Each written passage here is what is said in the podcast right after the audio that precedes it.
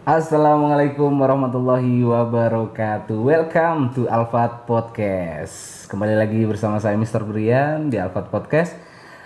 Oke sahabat Alfat di mana pun berada Kali ini kita mau ngobrol-ngobrol agak Wah ini keren materinya keren banget ya. Teman-teman harus nonton sampai akhir ya Jangan di skip.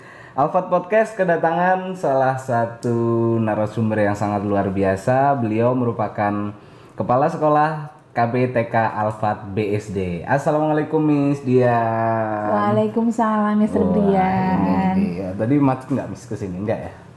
Nggak Macet. Oh macet. Biasa kan Cirende itu dari dulu tuh macet. oh Cirende dari dulu ya Miss ya? dari dulu macet. Oke Miss Dian terima kasih sudah hadir di Alfat Podcast. Nah kita mau ngobrol apa sama Miss Dian? Nah di sini clue-nya adalah school culture. Nah tapi sebelum ke sana Miss Dian eh, school culture sendiri itu sebenarnya seperti apa sih?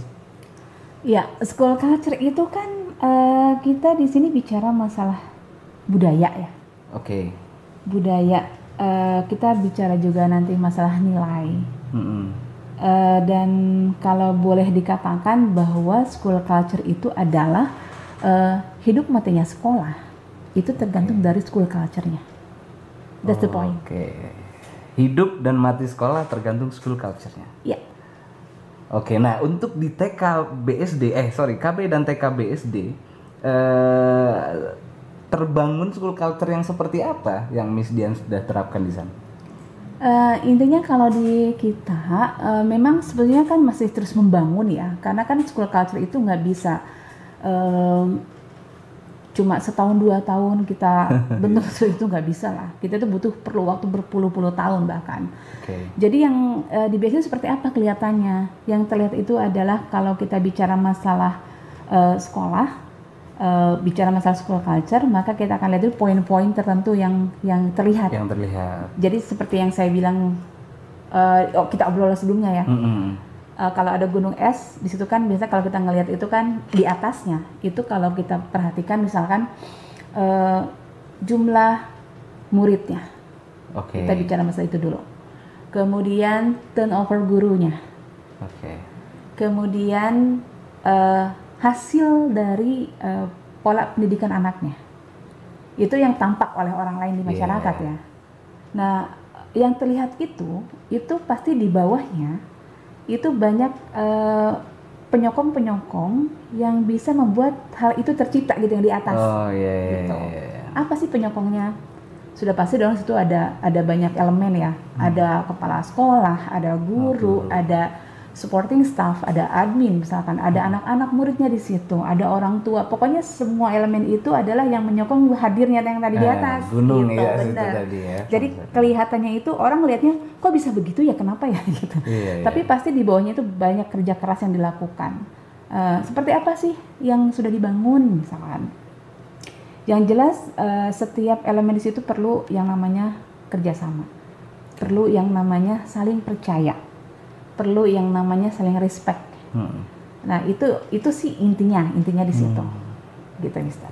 Oke, saling respect dan eh, apa eh, saling percaya tadi itu tidak hanya antara kepala sekolah dan guru saja pastinya ya. Iya ya? dong. Harus dari orang tuanya, Betul, betul. terus ya tadi Bahkan anak-anaknya juga lah. ah, anak-anaknya juga. Jadi kan gini, kita ngomongin kalau ngomongin school culture kan sebetulnya ada dua hal. Hmm. Eh, bagaimana internal di dalam itu bekerja, Oke. ya. ya. bagaimana internal di dalam itu bekerja, kemudian bagaimana yang keduanya bagaimana eksternal itu menikmati hasilnya, Oke. gitu. Jadi yang di dalam ini dalam sebuah sekolah itu kan ada yang tadi saya bilang ada beberapa elemen, ada stakeholdernya di situ gitu. Itu bagaimana mereka menjalin komunikasinya, bagaimana mereka menjalin kerjasamanya, Hmm. bagaimana juga mereka menciptakan suasana yang menyenangkan, yang eh, ramah, yang aman, sehingga orang yang akan masuk ke area kita itu merasa homey gitu kalau ada di Oh, situ. iya, iya, Duh iya. enak banget deh kalau ketemu ini, kalau ketemu itu gitu. Jadi nggak merasa asing. Nah ini yang yang mencoba eh, kita masih mencoba untuk terus bisa lebih eh, menguatkan ya, karena Hmm. karena itu tadi perlu usaha yang cukup sangat panjang banget gitu.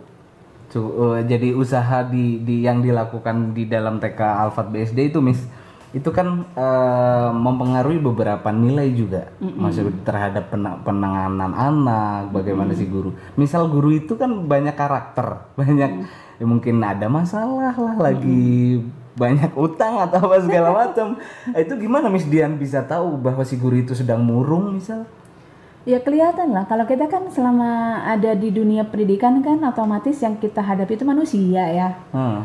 Eh, dan kebetulan ya sedikit banyak kita belajar tentang masalah eh, psikologi lah, psikologi jiwa manusia gitu ya.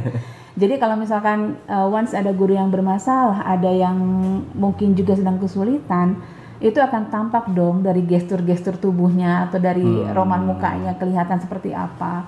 Karena eh, yang kita perlukan itu kan kita ini kan pendidik, mendidik orang Mm-mm.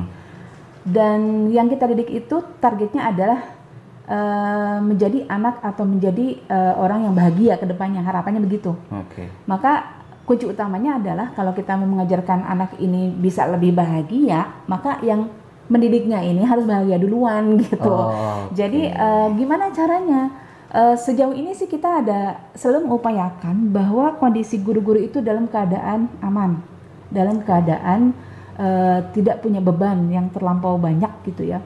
Eh, kalau dari segi sistem sendiri sebetulnya eh, sekolah Alfat eh, di mana pun adanya di Cirenda atau di BSD itu sudah mengupayakan misalkan guru-guru yang punya anak bisa bawa anaknya dititipin Ke daycare, daycare. itu adalah untuk mengamankan bahwa ya kamu kerja aja di sekolah Nah, tidak khawatir oh, gitu ya. anak-anak nggak nggak usah eh, terlalu difikirkan ada yang jaga gitu dan Oke. kamu masih bisa menengok atau mengecek apakah anak kita oke apa enggak itu aja udah suatu pemberian rasa aman buat guru-guru Oke. oke yang itu udah geser ya Iya. udah oke dong Heeh. kita balik balik lagi kita ngomongin guru ini nih Eh, dia punya atau she has a problem with her husband misalkan gitu.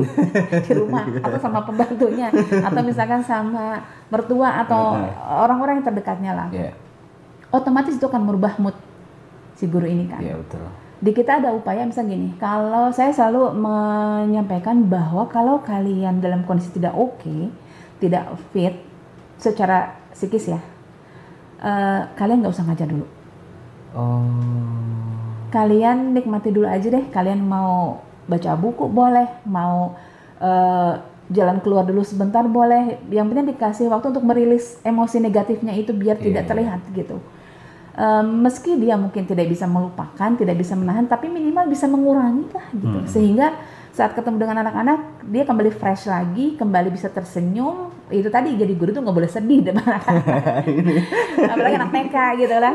Anak TK atau anak kelompok bermain yang masih miss miss miss gitu. Iya, iya, kemudian ya eh, dia harus selalu tersenyum meskipun dia dalam kondisi yang tidak bagus gitu nah upaya kita di situ adalah menghadirkan eh, sosok menjadi pendengar yang baik kalau misalkan memang eh, sesuatu harus dibicarakan Iya. karena tidak tidak sedikit guru-guru yang kadang-kadang masuk ke ruangan saya kemudian mereka curhat gitu Hmm. mereka mm, menyampaikan permasalahannya eh, minimal didengarkan dengan seksama aja itu udah udah Lega gitu ya, udah plong lega, gitu. udah plong.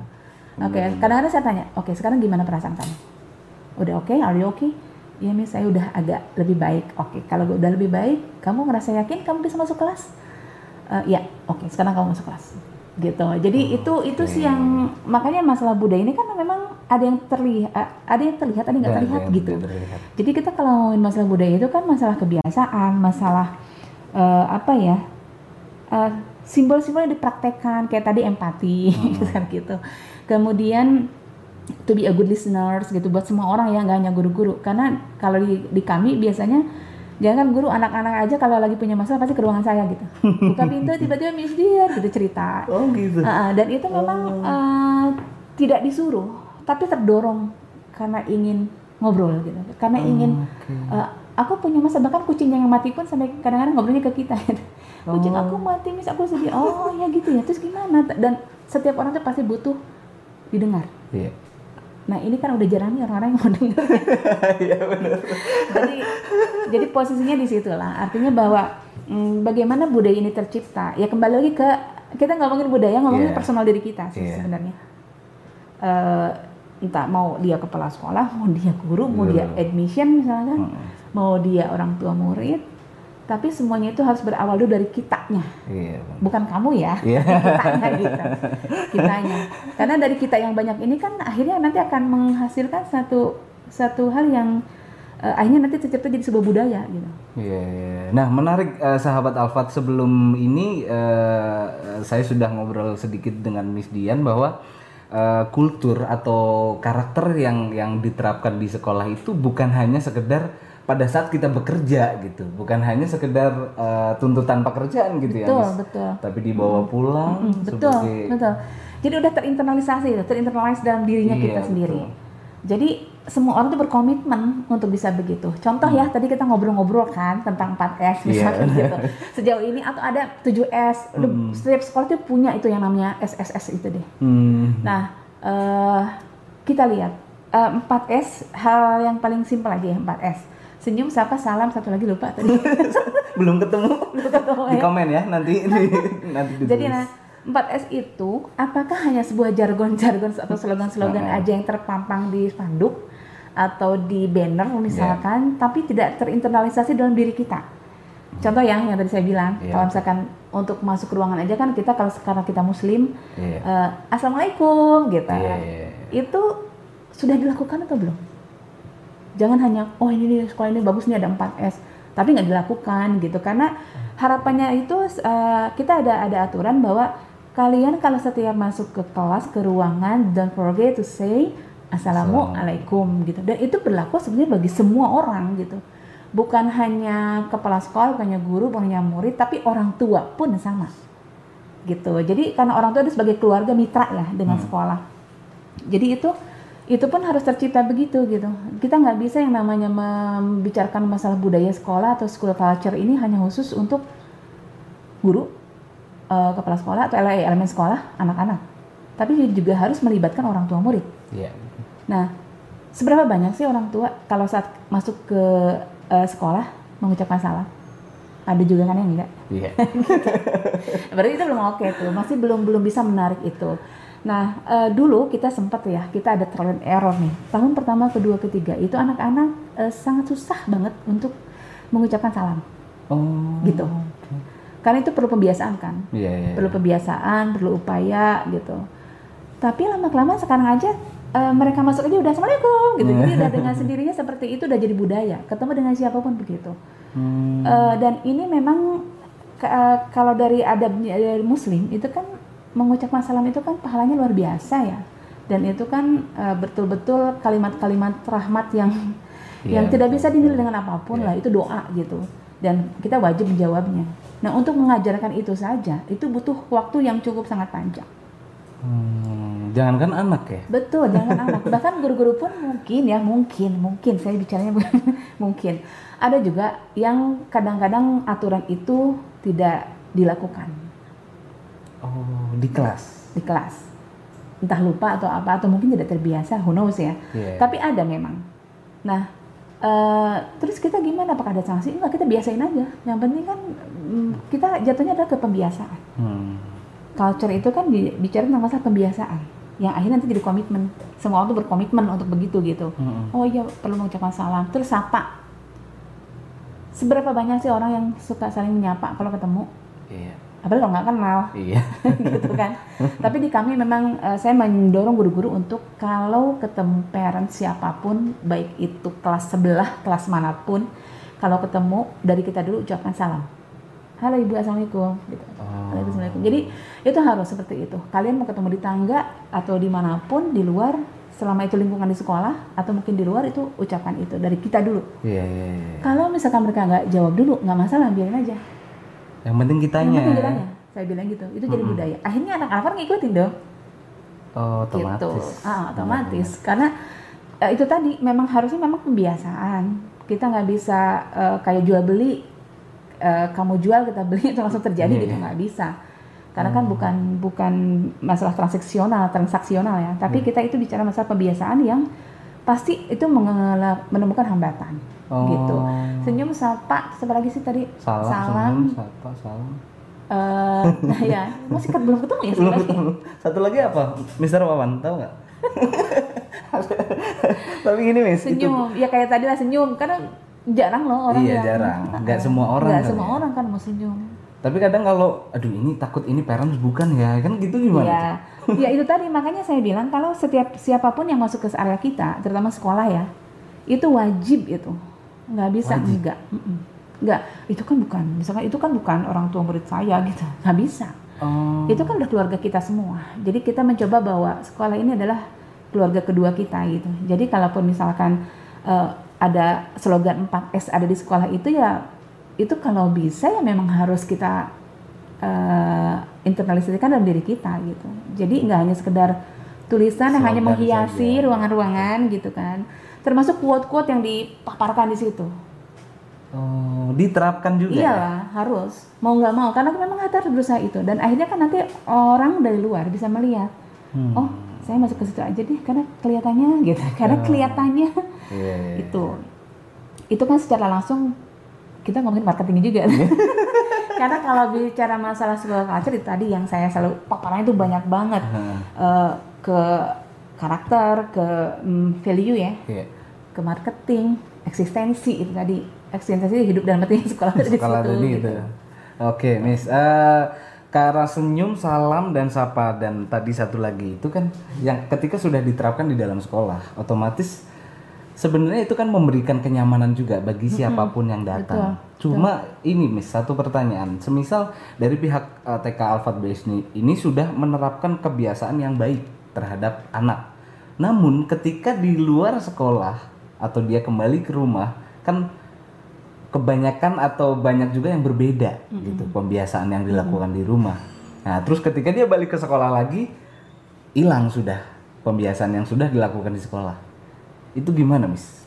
Ya, itu tadi mensosialisasikannya itu apakah memang sudah eh, sesuai dengan harapan kita atau enggak gitu. Hmm. Karena kan tadi eh, larinya adalah masalah komunikasi gitu, sebetulnya. Jadi bagaimana yang eh, slogan atau jargon tadi yang empat itu misalkan ya, itu sudah betul-betul dipahami bel- eh, atau belum oleh semua elemen-elemen yang ada di situ, Oh, termasuk orang tua. termasuk orang tua. Oke. Eh, sebagian besar berhasil bisa dan namanya pun kalau ketemu eh, dengan kita meskipun dia sudah tidak di sekolah kita misalkan ya Hmm. itu ketemu tuh masih masih begitu? Masih nyapa, alhamdulillah senyum gitu, gitu ya. Ah, masih begitu. Tiba-tiba saya waktu kapan ya? Sebelum pandemi kalau nggak salah. Jadi saat saya masuk ke telah ke SD gitu ya ketemu Miss Dian assalamualaikum maaf ya Miss. Sekarang saya harus begini. Oh iya nggak apa-apa. Jadi itu pun kan padahal kita udah lama nggak ketemu gitu. Oh, kadang-kadang kita kenapa dicari gitu. Dan itu berarti mereka masih nyangkut beberapa Iya. hal yang sudah kita berikan ke mereka. Nah memang sih itu tadi usahanya memang harus keras. Jadi kita nggak bisa em, ingin membuat budaya ini baik eh, kapan pun di mana pun ya tergantung usahanya masing-masing. Jadi kita sama-sama harus tahu tujuan ke depannya itu apa. Kita harus mengerucut nih. Em, kalau dalam dunia pendidikan satu tujuannya itu adalah membuat anak ini menjadi lebih apa gitu. Misalkan Hmm. kalau lebih kalau secara umumnya lebih soleh-soleha gitu ya. Nah itu udah benar belum jalannya? Oh. udah sesuai belum? Karena kalau kalau kita mau anaknya kita begitu yang soleh itu kan sebetulnya kita dulu harusnya Iya, bukan anaknya dulu anaknya itu kan ngeliat kitanya iya kan. gitu. Nah itu yang dipakai patokannya. Jadi kalau misalkan memang em, mau berhasil, eh, ya harus betul-betul paham semua elemen ini paham bahwa tujuan kita itu memang itu satu. Eh, karena kan contoh kecil deh bicara masalah mm, menyapa misalkan ya. Eh, bagian depan di front office admission misalkan itu kan kita juga harus memberikan masukan ke mereka kita kasih tahu. Nanti kalau ketemu eh, tamu atau orang tua berdiri ya. Berdiri. Oke. Assalamualaikum Pak Ibu silakan duduk. Ada yang bisa saya bantu gitu. Jadi, itu aja udah harus eh, mungkin itu nggak biasa buat orang-orang. Kok kayaknya lebay banget sih? Nggak juga. Itu kan bagian dari service excellent bagaimana kita eh, merangkul atau menyambut orang yang memang ingin eh, masuk ke area kita Iya, gitu. Dan hospitality ya, keramahan itu memang perlu agar mereka itu tadi ingin inginnya kan lebih homey, lebih lebih apa ya, lebih ya lebih enak aja, lebih asik gitu. Kayak kalau di kafe kayak cozy banget gitu ya. Bahasa kerennya. Nah, tapi itu memang diperlukan apalagi sekolah sekarang ini kan udah jadi industri Hmm. Pendidikan itu udah jadi industri lah sekarang ini. Jadi bicara masalah pendidikan di industri itu otomatis kan daya saingnya juga luar biasa. Kita banyak eh, sekolah-sekolah yang bermunculan bagus-bagus ya. Hmm. Kita pun harus eksis dong, harus bisa lebih memperlihatkan keunikannya apa, jati diri kita itu seperti apa, sehingga eh, mau sampai kapan pun mudah-mudahan ya masih tetap eksis gitu Iya. dan masih tetap dipercaya dan kalau kita bicara masa percaya itu kan juga lama lama untuk membuat Membangunnya itu membangunnya ya. itu lama Lama Gitu. ya. Berarti sampai sekarang nih, sampai Alfat berdiri, eh dari Alfat berdiri sampai sekarang masih terus membangun. masih masih. Kita nggak bisa berhenti. Kita justru harus lebih inovatif sebenarnya. Kenapa? Karena yang kami didik ini sekarang kan generasi alpha ya. Ya, Alfat. generasi yang terdidik secara baik, secara em, keseluruhan lah, baik itu secara eh, teknologi, baik itu secara em, apa akademik mungkin ya. Eh, kemudian generasi alpha ini kan juga generasi yang cepat bosan sebenarnya. Jadi karena percepatan itu sangat benar-benar cepat, eh, jadi nggak bisa kita yang masih membawa gaya kita zaman Yang dulu zaman untuk dulu masuk ke mereka bisa. gitu. Iya, betul. Eh, kemudian tapi mereka kekurangannya di kemampuan verbalnya. Di mana kan kalau orang megang teknologi nih, misalnya megang contoh aja megang handphone deh, Heeh. Itu kan akan asik dengan dunia sendiri. Iya. Dia nggak akan eh, terfokus dengan komunikasi satu arah. Heeh. Sementara karena kita masih dalam hidup di dunia, jadi kan otomatis kita akan ketemu banyak orang gitu. Iya, iya, iya. Otomatis kemampuan verbalnya pun kan harus baik ya Mm-mm. komunikasinya. Tapi itu justru yang kurang dari mereka sekarang ini. Jadi Oh. kurang bisa memilah, belum bisa memilah eh, mana bahasa yang perlu disampaikan saat Ah. ketemu dengan si ini, Si- iya, gitu. si itu kan dia. kadang gitu ya. Iya. Nah, eh, justru kita eh, mengharapkan dengan keberadaan perbedaan generasi yang ada sekarang ini, apalagi kan di sekolah itu ada beberapa generasi nih. Saya kan generasi X ya kalau nggak salah ya. Saya kan masih masuk generasi X nih. Di bawah saya ada generasi Y. Di bawahnya generasi Z, generasi milenial. Eh, guru-guru itu sekarang guru-guru milenial mungkin Mr. Brian juga guru milenial kan? tapi di bawah kita itu ada generasi alpha yang betul-betul jauh banget ininya Eh, apa hmm, ibaratnya itu jauh banget lompatannya gitu kita harus bisa memahami menyesuaikan Heeh. dan menyeimbangkan Eh, paham bahwa mereka anak-anak pintar Hmm. anak-anaknya cerdas banget gitu. Eh, kemudian jadi tahu bahwa kalau kita kasih begini kayaknya nggak cocok deh. Coba kita cari cara yang lain gitu. Oh. Dan cara ini pun karena memang harus disesuaikan dengan kondisi mereka juga. Apa yang diperlukan sebenarnya untuk mereka ke depan ini. Nah, Hmm. kita sebagai pendidik kan harus pintar-pintar nih melihat situasi seperti Iya. ini. Eh, karena kan anak-anak yang generasi ini kan selalu diperlihatkan oleh hal-hal yang keren ya, yang bagus, Iya. yang apa namanya, yang menarik gitu. Jadi guru pun harus menarik, Gimana pun caranya. bagaimanapun caranya. Jadi kayak saya, saya, saya sudah sangat sadar sekali bahwa untuk masuk ke generasi itu nggak gampang, apalagi saya dari generasi X gitu. Jauh. Lebih jauh ya. lebih jauh lagi lompatannya. Jadi akhirnya saya menggunakan pola pendekatan yang berbeda. Guru-guru Oke. yang generasi milenial itu yang akan berhadapan dengan mereka. Oh. Kami hanya mendorong, kami hanya memberikan ide, kami hanya memberikan meng- membimbing guru-guru milenial ini untuk bisa lebih inovatif, lebih kreatif, lebih komunikatif ya. Karena bahasanya itu beda. Beda ya. Mungkin kalau kayak bahasa kami agak-agak formal gitu ya. Hmm. Tapi kalau dengan bahasanya mereka, ini bisa lebih tahu bahasa-bahasa kekinian gitu, Iya. yang bisa masuk ke dunia mereka. Karena kalau nggak gitu nggak akan nyampe, mereka nggak akan betah di sekolah, gitu. Oh. Saya bilang, oke sekarang yang generasi setelah yang teman-teman angkatan 85 ke sana 90 itu masih bisa berhahi lah, masih bisa berbuat hal-hal yang mungkin agak sedikit nyeleneh gitu Ah, ya iya. dengan mereka. Tapi kalau saya nggak bisa.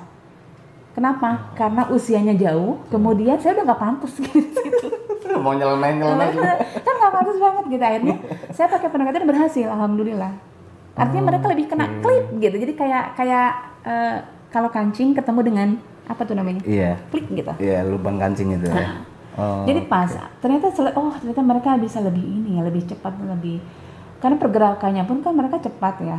Em, mudah bosan, kemudian eh, kan mereka pun hadirnya itu dari keluarga-keluarga yang kecil ya, yang tidak banyak kalau zaman akan saya mungkin keluarga itu sisa isinya banyak gitu. Tapi kalau mereka cuma dua atau anak pertama atau anak tunggal, Oh, iya, betul. jadi otomatis semuanya berbeda. Semua itu kan ada pergeseran-pergeseran tertentu yang harus dipahami. Oh, oleh pendidik. oke.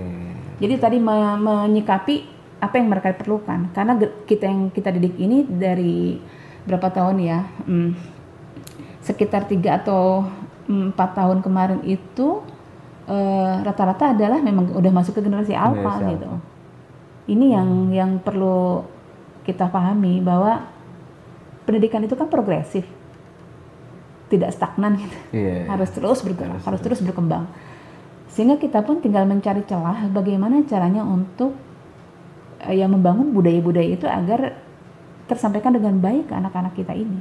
Hmm. Bagaimana membangun empati, bagaimana membangun em, apa namanya kerjasama, bagaimana membangun kepercayaan. Karena eh, menurut saya percaya itu penting banget di awal dibangun saya mungkin kalau misalkan nggak dipercaya oleh guru untuk menangani mereka, mungkin mereka udah laut ya.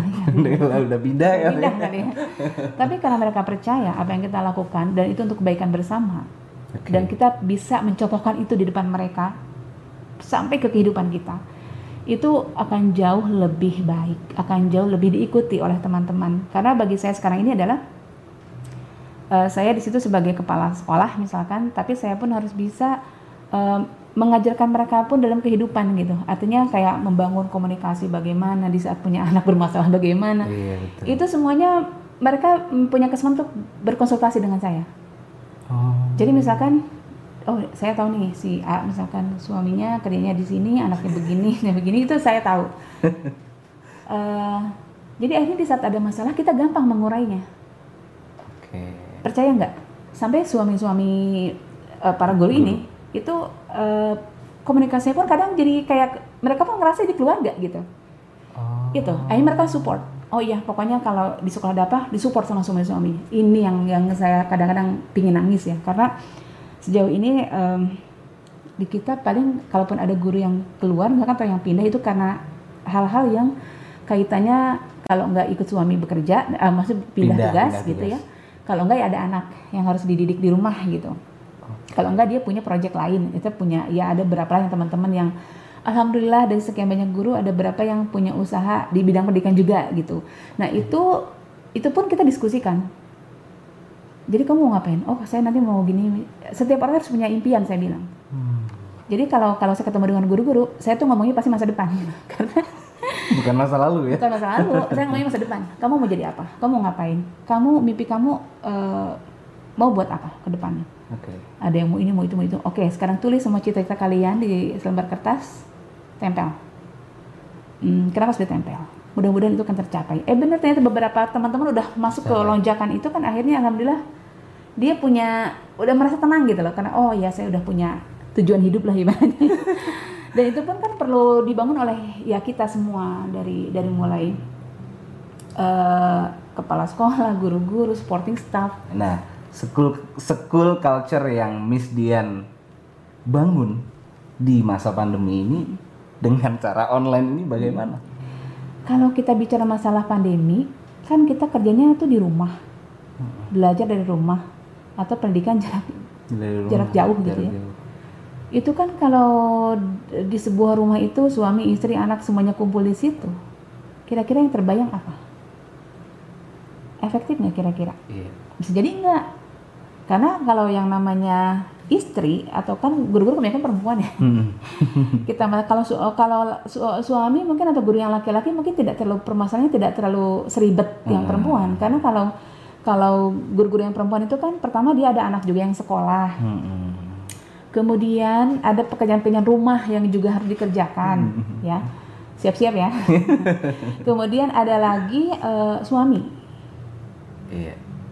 nah hal itu pun harus saya tahu tuh dari para eh, guru-guru ini Oh. apakah baik-baik saja atau enggak? Kalian punya masalah enggak? Atau kalian di rumah ada yang masih bisa makan enggak? Saya kadang nanya gitu.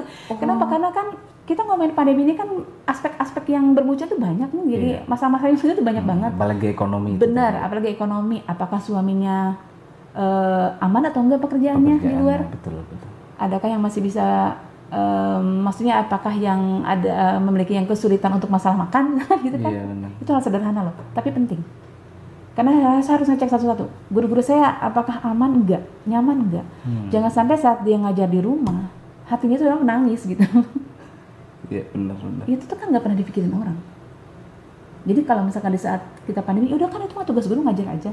Tapi kan kita ada PR banget di belakang itu yang harus saya siapkan mentalnya apalagi kalau ada misalkan orang tua yang komplain. Komplainnya itu yang tidak menyenangkan lah maksudnya bikin kita sedih. Ini kita mau ngajar online. Ngajar online itu kan perlu persiapannya matang banget. Iya. secara eh, mental juga harus harus siap gitu kan. Harus dianya harus enjoy harus happy. Kebayang nggak kalau lagi ngajar tapi dia merasanya hatinya amburadul gitu hancur gitu kan? Ambiar kalau istilah sekarang ya. Nah itu nggak akan bagus ke anak-anaknya Iya, berarti nggak akan nyampe ke anak-anaknya Iya, pesannya. Apalagi online. apalagi online. Karena kan online itu kan tidak semua orang bisa nangkap ya. Iya. apalagi anak-anak yang misalkan cuma eh, apa ya eh, dia kinestetik misalkan itu belum tentu dia bisa nangkep. Makanya sekarang dis- disiasati oleh kita. Oke saat kegiatan online eh, sambil mengerjakan sesuatu itu baru antang Oh. saya itu clue-nya. Jadi karena ini kan kita ngomongin anak usia dini. Ya. Hmm. dia itu kan aktif kemudian eh, fokusnya sebentar Hmm. jadi kalau dari segi hitungan kita ngitung fokusnya anak-anak itu eh, usia dikali dua atau tiga Hmm. misalkan usia 4 tahun Hmm. dikali dua berarti 8 menit 8. dong Uh, kalau enggak dikali 3 12 menit paling sekitar uh, kemampuannya tuh untuk fokus itu 8 sampai 12 menit Oh, selebihnya? Selebihnya amburadul udah maksudnya itu selanjutnya udah interestnya ke mana-mana gitu. Udah ya, ya. nggak fokus ya. nggak fokus. Udah nggak nggak lagi. Makanya kenapa di sebetulnya di, di TK ataupun kelompok bermain batasnya itu hanya 30 menit sebenarnya. Oh. yang itu bukan itu mah alfatnya aja lah. Enggak. Tapi memang itu secara secara keilmuannya memang begitu gitu. Emang begitu. ya sama lah kita pun kan satu setengah jam ikut webinar. Iya. apa hasilnya Kalau saya tidur kali. iya kan ada yang nangkep ada yang enggak gitu loh ya kan Iya benar. ada guru-guru yang memang eh, karena dia orangnya visual gitu kan Iya, auditori itu kan lebih nyaman Lebih nyaman. bayangin kalau gurunya nggak bisa diem Iya. betul-betul mungkin kalau cowok mungkin ngerokok kalau nggak ngopi Iya benar. kalau nggak apa dan itu nggak bisa semuanya kita targetkan itu 100% itu efektif nggak tergantung Oke. yang serangan harus dibangun itu adalah bagaimana agar komunikasi itu nggak putus itu aja sih sebenarnya Oh. selama pandemi ya, Ya, kita bicarakan itu masalah ya. pandemi ah, nggak nggak nggak putus jadi si anak itu paham bahwa oh sekolah itu ada rutinitas sekolah itu ada aturan Hmm. sekolah itu ada yang namanya eh, koneksitas ya Oke. saling terhubungkan ada guru ada temannya ada siapa ada siapa gitu dan itu akan nantinya saat dia masuk ke kegiatan offline Hmm. saat masuk harus kembali ke sekolah udah nggak asing sama yang namanya Mr. Brian tuh yang mana sih gitu dia udah tahu orang di situ Iya, gitu gitu kan ya. nah jadi itu sebenarnya dibangun Oh. kita nggak bisa mengejar ke pencapaian kurikulum 100% tuh nggak bisa Iya.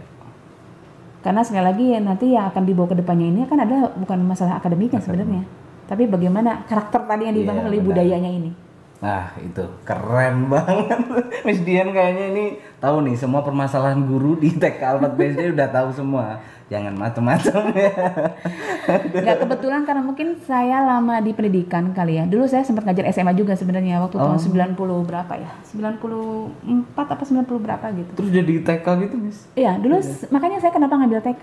Akhirnya memutuskan eh, memutuskan untuk terjun ke dunia eh, anak usia dini. Anak usia dini Itu dari hasil eh, perenungan dan pengamatan selama bertahun-tahun. Oh. Oh, ternyata kayaknya di sini yang banyak masalah. Dulu kan zaman-zaman saya masih bimbing mahasiswa ya. Itu kan ada guru yang kalau kalau curhat ke saya itu suka gini, "Bu, di sekolah sana ada anak dimarahin gurunya, terus diapain?" Itu Bu disuruh diam di kolam. Hah? Di kolam terus ngapain dia? Berdiri. anak TK. Dulu ya. Tahun berapa itu ya? Tahun 96 apa 97 gitu. Itu ada yang dihukum Berdiri dihukum, di kolam? Berdiri di kolam oleh gurunya. Setelah saya baca kasus-kasus yang ada yang suka kan suka ada tugas-tugas saya Iya. baca salah satu. Oh, gitu. Akhirnya saya coba nih masuk. Eh, sampai ada yang bu tolong deh bu nanti gini. Akhirnya saya sel- karena sering dengar keluhan para guru-guru waktu itu. Udah deh, coba deh udah saya coba masuk. Saya bikin pendekatan yang berbeda gitu. Oke Nah, eh, pendekatan berbeda itu pada saat itu tidak terlalu jadi lihat kok aneh sih kok ngajar kayak gitu. Kenapa? Karena saya memadukan antara pengajaran dan entertain. Jadi karena kita dari dunia radio kali ya dulunya ya, cara bicaranya, cara membawakannya pun agak sedikit berbeda. Itu yang membuat anak-anak ternyata lebih menarik. Oh, justru di situ malah Terus ya. itu, makanya teman-teman yang punya jiwa seni itu beruntung banget jadi guru. Oke. Kenapa? Karena kan kita kalau ngajar kan pakai intonasi, pakai Mm-mm. mimik wajah, Iya, gitu iya, ya, iya, gestur tubuh. Kemudian eh dan intonasi pun itu kan kan ada kan guru kalau yang kalau ngomong datar gitu, flat gitu. Benar-benar Iya, nggak ada Ah, intonasinya. nggak ada gitu intonasinya. ya. Sama lah kita kayak nyanyi. Iya. Kalau improve-nya bagus, anak-anak yang denger gimana? Enak, Enak, zaman gitu. gini ya. That's the point. That's the point. Keren banget. Gitu. Aduh, Miss Dian. Ini kalau saya semakin lama ngobrol sama Miss Dian, lama Eh bisa tiga hari loh. tahu masalah saya nanti aduh bahaya ini. baca, baca. Miss minta nomornya nanti ya, Miss saya curhat-curhat. Oke, terima kasih Miss Dian udah hadir di Oke. Alphard Podcast. Jangan bosan-bosan besok-besok ya Miss mampir Iya, lagi. lihat jadwal ya, lihat Iya. jadwal. Sibuk kali ngeri kali. Oke, sahabat Alfat, eh, itu dia kita ngobrol-ngobrol. Wah seru banget sama Miss Dian, tapi apa daya waktu gantian masih ada, aduh masih ada lagi nih. Oke, pokoknya buat sahabat Alfat di mana pun berada, jangan lupa tunggu Alfat Podcast selanjutnya. Saya Mr. Brian pamit. Assalamualaikum warahmatullahi wabarakatuh. Waalaikumsalam warahmatullahi wabarakatuh.